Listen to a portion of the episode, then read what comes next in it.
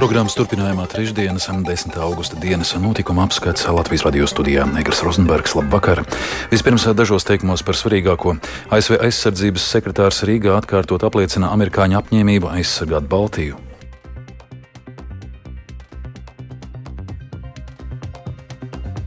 President Putin thought that he could divide Krievijas prezidents Putins domāja, ka viņš var sašķelt NATO sabiedrotos ar savu agresiju, bet patiesībā viņš sasniedza pretējo. Latvijas gāze nespēs nodrošināt noteikto dabas gāzes apjomu Inču kalna krātuvē. Ekonomikas ministrija mudina mājasemniecības nesatraukties. Mājasemniecības ir tās sadaļas saistītie lietotāji, par kurām likums nosaka pienākumu Latvijas gāzē, kā publiskajām tirgotājiem, parūpēties pirmkārt.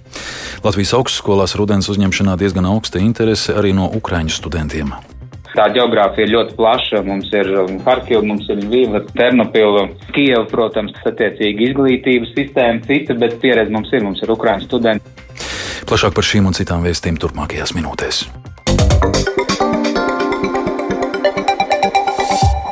Uzņēmums Latvijas gāze paziņoja, ka nespēs nodrošināt nepieciešamo dabasgāzes krājumu apjoma uzglabāšanu Inču kalna pazemes krātuvē. Saskaņā ar enerģētikas likumu situācijā, kad esošais publiskais tirgotājs nepilda likumā noteikto uzdevumu, publiskā tirgotāja funkcijas pārņem un nepilda uzņēmums Latvenergo. Latvenergo Latvijas radio rakstiskā komentārā pauž, ka informāciju par Latvijas gāzes paziņojumu guvis publiskajā telpā un ir gatavs pildīt likumā noteikto un pārņems no Latvijas gāzes publiskā tirgotāja funkcijas. Latvenergo Energo apliecina, ka situācijā, ja tam būs jāpārņem maisaimniecības klientu portfelis, uzņēmuma rīcībā esot pietiekami klientu apkalpošanas resursu, lai to izdarītu. Savukārt ekonomikas ministre Ilze Indriksone no Nacionālās apvienības uzsver, ka Inčukalnā ir rezervēts pietiekams dabasgāzes apjoms maisaimniecību vajadzībām. Ja uzņēmumam Latvijas gāze ir grūtības nodrošināt gāzes apgādi maisaimniecību lietotājiem, tai nepieciešamo atbalstu sniegšot uzņēmumi Konexus Baltic Grid un Latvijas Energo. Sazinājāmies ar Ičukalnas eh, dabasgāzes krātos, varētu teikt, atbildīgajiem eh, cilvēkiem Konexus. Un Konexus eh, mūs apliecināja, ka Inčukalnā uz Latvijas gāzes vārda ir reģistrēta dabasgāze būtiski vairāk nekā nepieciešams saistīto lietotāju nodrošināšanai. Tāpēc mēs, protams, nekavējoties arī ministru kabinetā lēmām par šo regulējumu izveidošanu te, varētu teikt, krīzes pirmajām divām daļām, kad ir izsludināts šis eh, brīdinājums. Protams, arī turpmāk, lai līdz pat apkurs sezonai šis eh, Inčukalnā esošais dabasgāzes daudzums tiktu rezervēts maisaimniecībām, lai nebūtu vairs nekādu bažu, ka dabasgāze varētu tirgus izveidoties izaicinājumu dēļ un cenu lielo pieaugumu dēļ nonākt varbūt citiem patērētājiem, kam nebūtu jānodrošina šis patēriņš, jo maisaimniecības ir tās sadaļas saistītie lietotāji par kurām likums nosaka pienākumu Latvijas gāzē, kā publiskajām tirgotājiem, parūpēties pirmkārt Ekonomikas ministre jau tuvākajā laikā iecerējusi tikties ar uzņēmumā Latvijas gāzes pārstāvjiem, lai pārunātu izveidojušos situāciju. Lai gan vairāku nenoteiktību dēļ ir grūti izteikt precīzas prognozes, kad varētu stabilizēties energoresursu cenas, Latvijas radio aptaujātie ekonomisti lēš, ka tas varētu notikt divu līdz trīs gadu periodā. Turklāt jārēķinās, ka līdz tik zemam cenu līmenim, kāds bija piemēram dabasgāzē pirms Krievijas sāktā kara Ukrainā, vairs nenonāksim, un kopumā iedzīvotājiem par energoresursiem būs jāatvēl lielāka mēneša ienākuma daļa. Plašāk Lindas Zalāns ierakstā. Seibankas ekonomists Dainis Gašpuitis pauž, ka gāzes cena vēl nav sasniegusi rekordu un kritiskais brīdis būs decembris. Tad varētu būt skaidrs, cik efektīvi Eiropas valstīm būs izdevies taupīt un samazināt gāzes patēriņu, būs iespēja novērtēt Eiropas gāzes krājuma apjomu, kā arī iespējams varēs novērtēt, kāda varētu potenciāli būt Krievijas tālākā rīcība. Tas ļaus izvērtēt gāzes piedāvājuma un pieprasījuma līdzsvaru. Ja viss nostrādās un būs labvēlīgi laikapstākļi, arī nu, nebūs augsta ziema, tas zināmā mērā atvieglojums no pieprasījuma puses, tad ļoti iespējams, ka mēs varam redzēt arī tādu zināmu pozitīvu virzību, ka cenas tomēr virzās uz leju, jo pazūd šis spiediens un stresa moments. Ir pamats sagaidīt, ka cenām būtu jānormalizējas pie zemākiem līmeņiem, bet pie kādiem līmeņiem tas būs šobrīd īsti nevar pateikt. Tas visticamāk varētu būt tuvāko trīs gadu laikā visdrīzāk tikai. Noteikti, ka tas līmenis varētu būt augstāks nekā tas bija pirms šī kara. Un kamēr visas pārmaiņas izdzīvo savu ciklu, notiks pielāgošanās, tiks izveidots atbilstošs piedāvājums, jārēķinās, ka iedzīvotājiem par enerģiju būs jāmaksā daudz lielāku ienākumu daļu nekā tas bija pirms kara Ukrainā.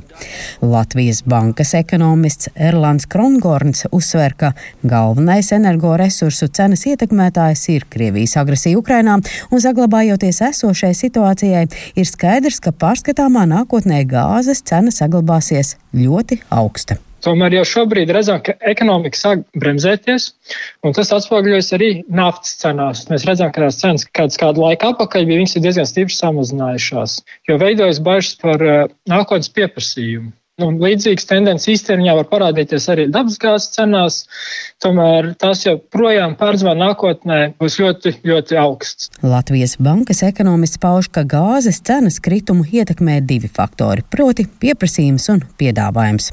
Pieprasījumu ir iespējams ietekmēt, efektivizējot gāzes piegādes, taupot un domājot par patēriņu, un to var izdarīt uzreiz. Savukārt par to piedāvājumu pusi, kas ir kapacitāti ražot un infrastruktūru, lai to visu varētu piegādāt eh, tirgumu un lai to izbūvētu un pielāgoties jauniem apstākļiem, tas, protams, prasīs vairāk laika. Tas arī tas galvenais faktors, kāpēc mēs, diemžēl, tik drīz eh, atgriezties eh, vecajā dzīvē nesanāks. Un kamēr iespējas atgriezties tā dēvētajā vecajā dzīvē ir ierobežotas, iedzīvotājiem jārēķinās, ka augstās energoresursu cenas būtiski ietekmēs ikviena rocību.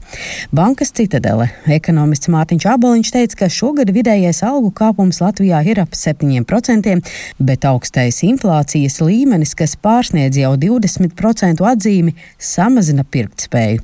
Tas savukārt nozīmē, ka gada otrajā pusē ekonomikā sagaidām izaicinājumi. Pārstāvā nākotnē noteikti inflācija mazināsies, un līdz ar to nu, algām atkal vajadzētu augt straujāk, jautājums, cik ātri mēs atgūsim to pirktspējas zudumu.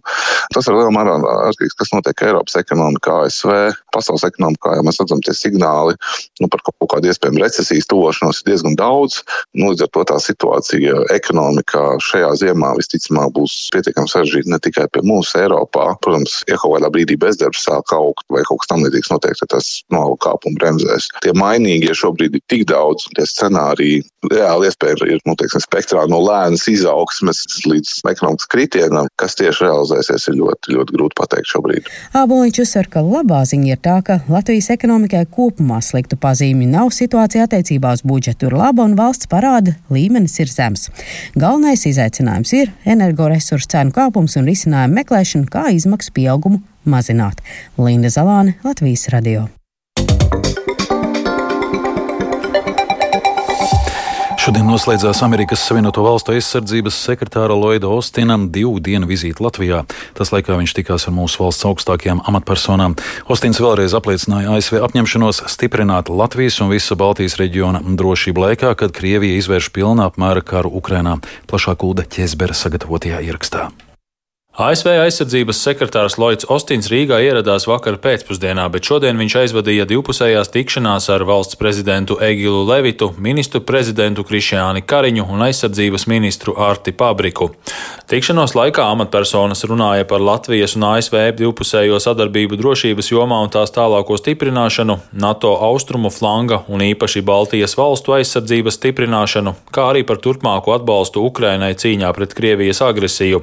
Vizītes noslēgumā notika Ostina un Pabrika kopīga preses konference. Tajā aizsardzības sekretārs Ostins apliecināja ASV nelokāmu atbalstu Baltijas valstu brīvībai un suverenitātei. Viņš arī norādīja, ka vizīte Latvijā notiek Eiropai un visai pasaulē izšķirošā brīdī, jo Krievija turpina savu cietsirdīgo un neizprovocēto karu Ukrainā. Ostins atgādināja, ka nesenajā NATO dalībvalstu vadītāju sanāksmē Madridē sabiedrotie Krieviju atzina par visnozīmīgāko draudu drošībai, mieram un stabilitātei Eiropā. President Putin thought that he could divide the NATO alliance with his aggression. Krievijas prezidents Putins domāja, ka viņš var sašķelt NATO sabiedrotos ar savu agresiju, bet patiesībā viņš sasniedza pretējo. NATO alianse ir vienotāka un spēcīgāka nekā jebkad agrāk. Vakar ASV prezidents Joe Baidens apstiprināja Zviedrijas un Somijas uzņemšanu aliansē, un mēs mudinām arī pārējos sabiedrotos pēc iespējas ātrāk noslēgt ratifikācijas procesu. Aizsardzības sekretārs arī atgādināja par ASV lēmumu pastiprināt militāro klātbūtni NATO austrumu flangā. We will maintain a persistent and rotational presence in the Baltics, including Latvia. Mēs saglabāsim savu klātbūtni Baltijā, to starp Latvijā, pastāvīgi un rotācijas kārtībā. Mēs nevēlamies konfrontāciju un neradām draudus Krievijai.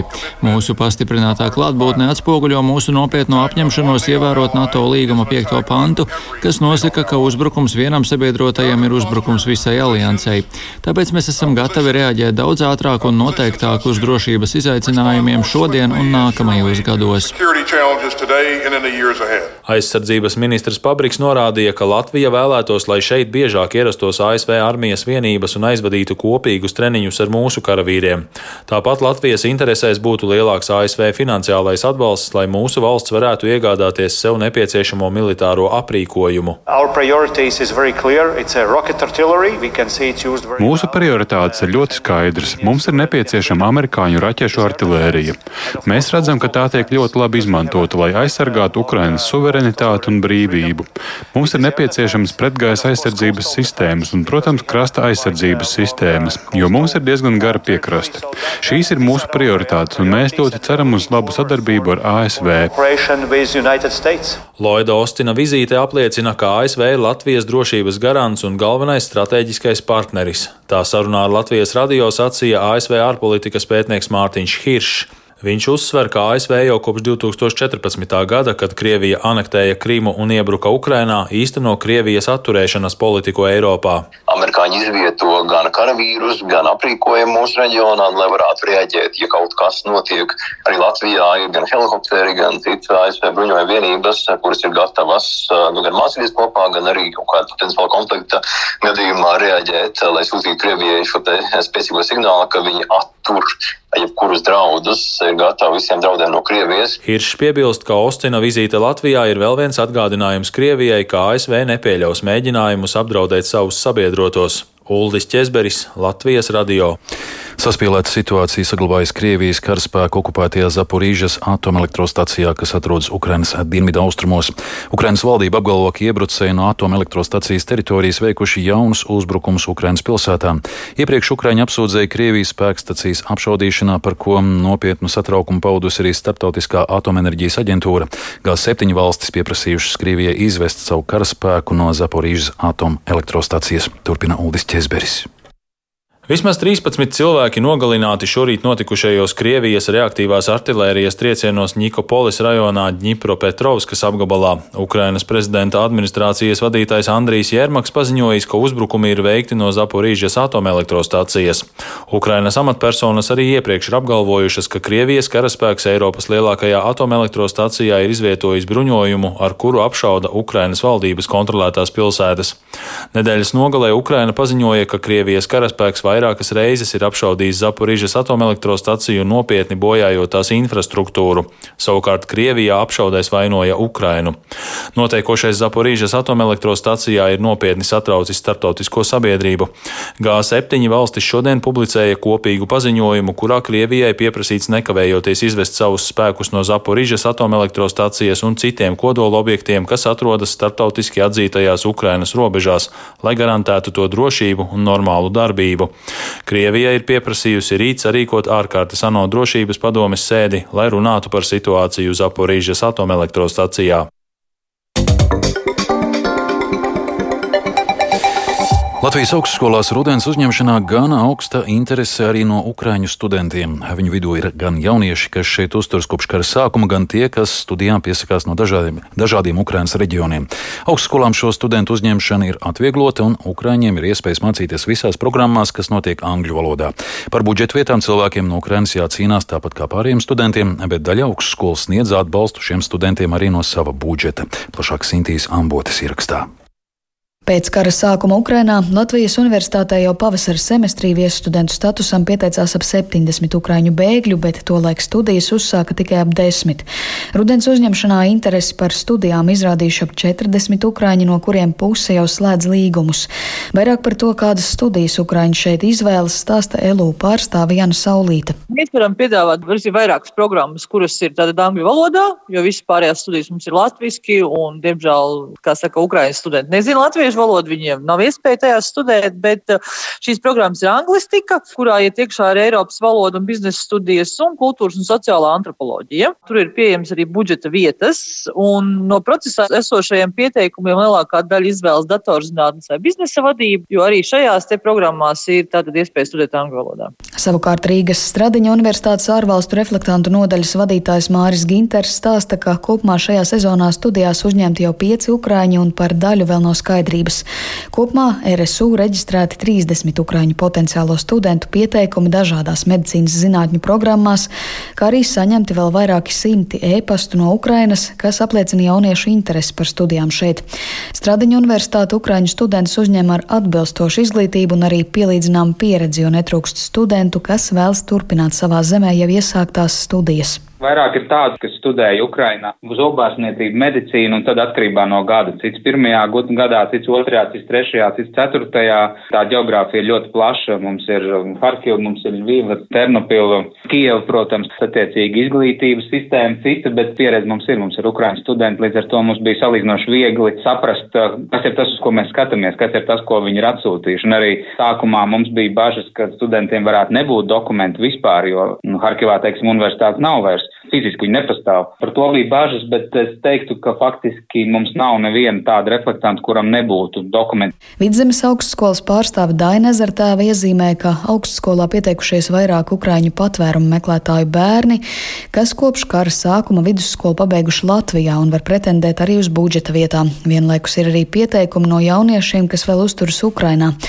Maģistrantūrā un doktorantūrā ukraiņu studentiem angļu valodā pieejamas visas programmas, savukārt bakalaura līmenī tikai IT studiju programma, par kuru arī ir lielākā interese. Pielāgot stipri neko tādā ziņā nevajag, jo programma ir akreditēta jau īstenošanai angļu valodā. Līdz ar to izskatās, ka studentu grupa būs, līgumi ir noslēgti.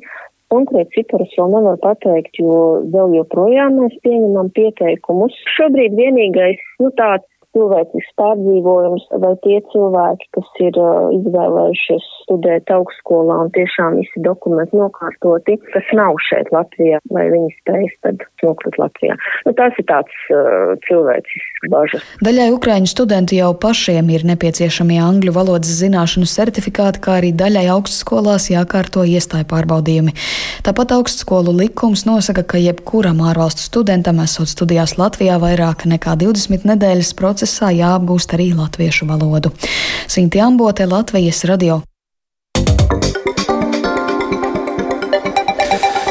Resursu centrs Zelda un Tiesības sarga birojas ceļ trauksmi par valsts kavēšanos ieviestāju pakalpojumu, kuru ļoti gaida personas ar psihiskiem traucējumiem.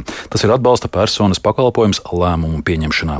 Labklājības ministrija jau ilgstoši soli rīkoties, taču pēc pilotprojekta, kurš noslēdzās 2019. gadā, konkrēti darbi nesakoja. Ministrija gan tam nepiekrīt un pakalpojumu sola no nākamā gada vidus. Tematu turpina Kristaps Feldmanis. Laikā no 2017. līdz 2019. gadam šī pakalpojuma pilotu projektu organizēja Resursu centrs Zelda, stāsta tā vadītāja Ieva Leimane Veldmējere. Pakalpojumu visā Latvijā saņēma kopā 332 cilvēki divu gadu garumā. Priekšlikums un to, kā pakalpojumam būtu jāizskatās, ja to ieviestu Latvijā, Zelda sarakstīja un iesniedz ministrijai. Taču gaidītā rīcība, lai pilotu projektu integrētu kopējā atbalsta sistēmā, nav sekojusi un gūtais progress apmācīties speciālisti un ieguldītie resursi būtībā zaudēti. Tika sagatavots, piemēram, 22 atbalsta personas, kuras mēs pēc tam pēc diviem gadiem dabūjām atlaist no darba. Un bažas par pārtraukto pakalpojumu ir arī tiesības sarga birojam. Pilsonisko un politisko tiesību nodaļas vadītāja vietniece Gundaga Bruņiniece uzsver gan pārāvuma rezultātā zaudētos resursus un speciālistus, gan arī to, ka neieviešot šādu pakalpojumu, Latvija nepildā no konvenciju, kuru ratificējusi. Latvijai ir jāvirzās prom no tā, ka mēs kaut kādās jomās gadījumās, tad, ja cilvēks nespēja pats tur pieņemt lēmumus, ka mēs viņam varam ierobežot rīcības spēju, ka viņam tiek nodrošināts atbalsts lai cilvēks varētu pieņemt šos lēmumus. Atbildīgā ministrija jau ilgstoši sola pakalpojumu ieviest, taču līdz šim ļoti trūkusi reāla rīcība. Pavasarī gan beidzot esot iesniegts konceptuālais ziņojums, taču tiesību sarga biroju bažīgu dara tas, ka ziņojums vēl aizvien nevirzās uz priekšu. To, ka par pakalpojumu tiek domāts, apliecina Labklājības ministrijas valsts sekretāra vietniece Elīna Celmiņa. Viņa skaidro, šobrīd konceptuālais ziņojums atrodas starp ministriju saskaņošanā, un ja nebūs lielu aizķeršanos, tas iedzīvotājiem pieejams varētu kļūt no nākamā gada vidus. Atkarīgs tagad no augusta, septembra diskusijām. Celmiņa gan noliedz, ka garais pārāvums starp pilotprojektu un pakalpojumu ieviešanu radīs zaudējumus, jo uzskata, ka vismaz daļu apmācīto darbinieku izdosies piesaistīt atkārtoti. Savukārt veselības tiesību eksperte un jaunā zinātniece, juriste un Latvijas universitātes pasniedzēja Laura Kadila vērtē svarīgi nodrošināt pēc iespējas lielāku personas brīvību. Taču šobrīd situācijā, kad Latvijā alternatīva rīcības ierobežošanas mehānismi nepastāv, var uzskatīt, ka Latvija prasības īstenojas vien daļēji. Ja mēs vērtējam šos mehānismus citās valstīs, tad mēs redzam, ka ir daudz dažādi alternatīvie mehānismi, nu, piemēram, asistents. Tad tas varbūt ir vienkārši veidi pilnvarojums, informācijas izskaidrošana vai komunikācija. Beļģijā ir izstrādāti desmit soļi, kādi jautājumi jāuzdod personai, lai mēs spētu secināt, vai personai ir spējas lemt vai nav. Tie var būt dažādi testi, un pēc tam jau izriet nākamais sāpīgais jautājums, kā mēs to visu fiksēsim. Taču jau šobrīd, novērtējot pilotprojekta laikā gūto pieredzi un saprotot ieguvumus, ir pašvaldības, kuras no resursu centra Zelda šo atbalsta personas lēmumu pieņemšanā pakalpojumu pērk. Ļoti aktīvi šo pakalpojumu izmanto Talsu novads. Kā norāda Labklājības ministrijas valsts sekretāra vietniece Elīna Celmiņa, atbalsta personas pakalpojums nav ministrijas prioritārais pieprasījums, taču ir augšgalā. Kristaps Feldmanis, Latvijas radio. Valsts kontrole Latvijas radio informēja, ka pilotprojekts vērtēts jau 2018. gadā. Arī tolaik īpaši uzsvērta projekta nepārtrauktības nozīme. Rīgā Pētersalas ielā 5 jau vairākus gadus atrodas ēka, kas iekļauta vidi degradējošo objektu sarakstā. Lai gaitā celtnes stāvoklis ir pasliktinājies tik tālu, ka šobrīd, lai neapdraudētu cilvēku drošību, uz nenoteiktu laiku ir slēgta transporta līdzekļu satiksme Pētersalas ielas posmā. Tomēr, ņemot vērā, ka celtne ir vietējās nozīmes kultūras piemineklis, to nojaukt nedrīkst. Līdz ar to iesaistītās puses vēl nespēja vienoties un izlemt par ēkas nākotni, tādējādi atstājot neziņā arī apkārtējos. Plašāk Agnijas Lazdiņas ierakstā.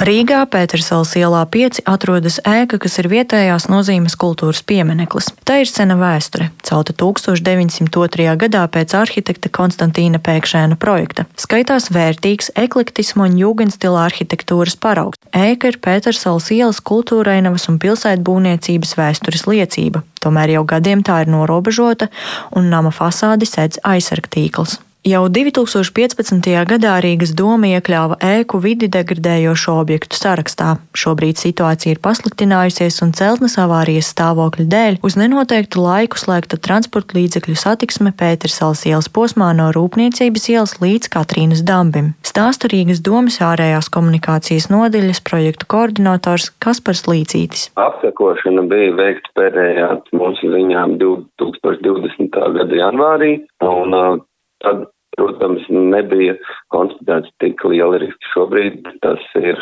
krietni riski pieauguši un līdz ar to pastāv iespējas, ka varētu sabrukt ēka vai daļēji, un līdz ar to tad arī paša ēkas īpašnieks vērsās pie mums ar lūgumam risināt šo situāciju. Nacionālās kultūras mantojuma pārvalde stāsta, ka jau vairākus gadus ir piedalījusies sarunās gan ar Rīgas domi, gan ar ēkas īpašniekiem, kas laika gaitā ir mainījušies, un lai gan celtni ir solīts atjaunot, tā arī šogadu laikā tas nav realizēts. Tāpēc, ņemot vērā, ka ēka ir vietējās nozīmes kultūras piemineklis, pārvalde piesaistīja arī savu ekspertu, kas apsekojot namu, nonācis pie atzinuma, ka to vēl var glābt. Pārvalde norāda, ka pieminekli nojaukt nevar, tāpēc plāni par ēkas demontāžu uzņēmumam visdrīzāk nepiepildīsies. Līdz ar to pie kādas vienošanās nonāks abas puses un kad tiks atjaunota transporta līdzekļu satiksme Pētersels ielas posmā, vēl neviens nespēja atbildēt. Agnija Lazdiņa, speciāli Latvijas radio. Dzirdējāt 10. augusta dienas notikumu apskatu programmas producents Viktors Pupīks, par skanējumu rūpējās Rīta Karnača un Renārs Šteimanis, studijā Egars Rozenbergs. Pārējais par svarīgāko. Latvijas gāze nespēs nodrošināt noteikto dabas gāzes apjomu Inču kalna krātuvē. Ekonomikas ministrija mierina mājasemniecības nesatraukties.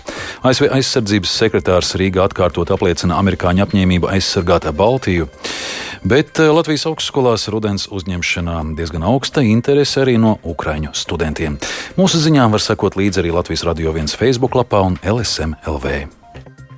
Yeah.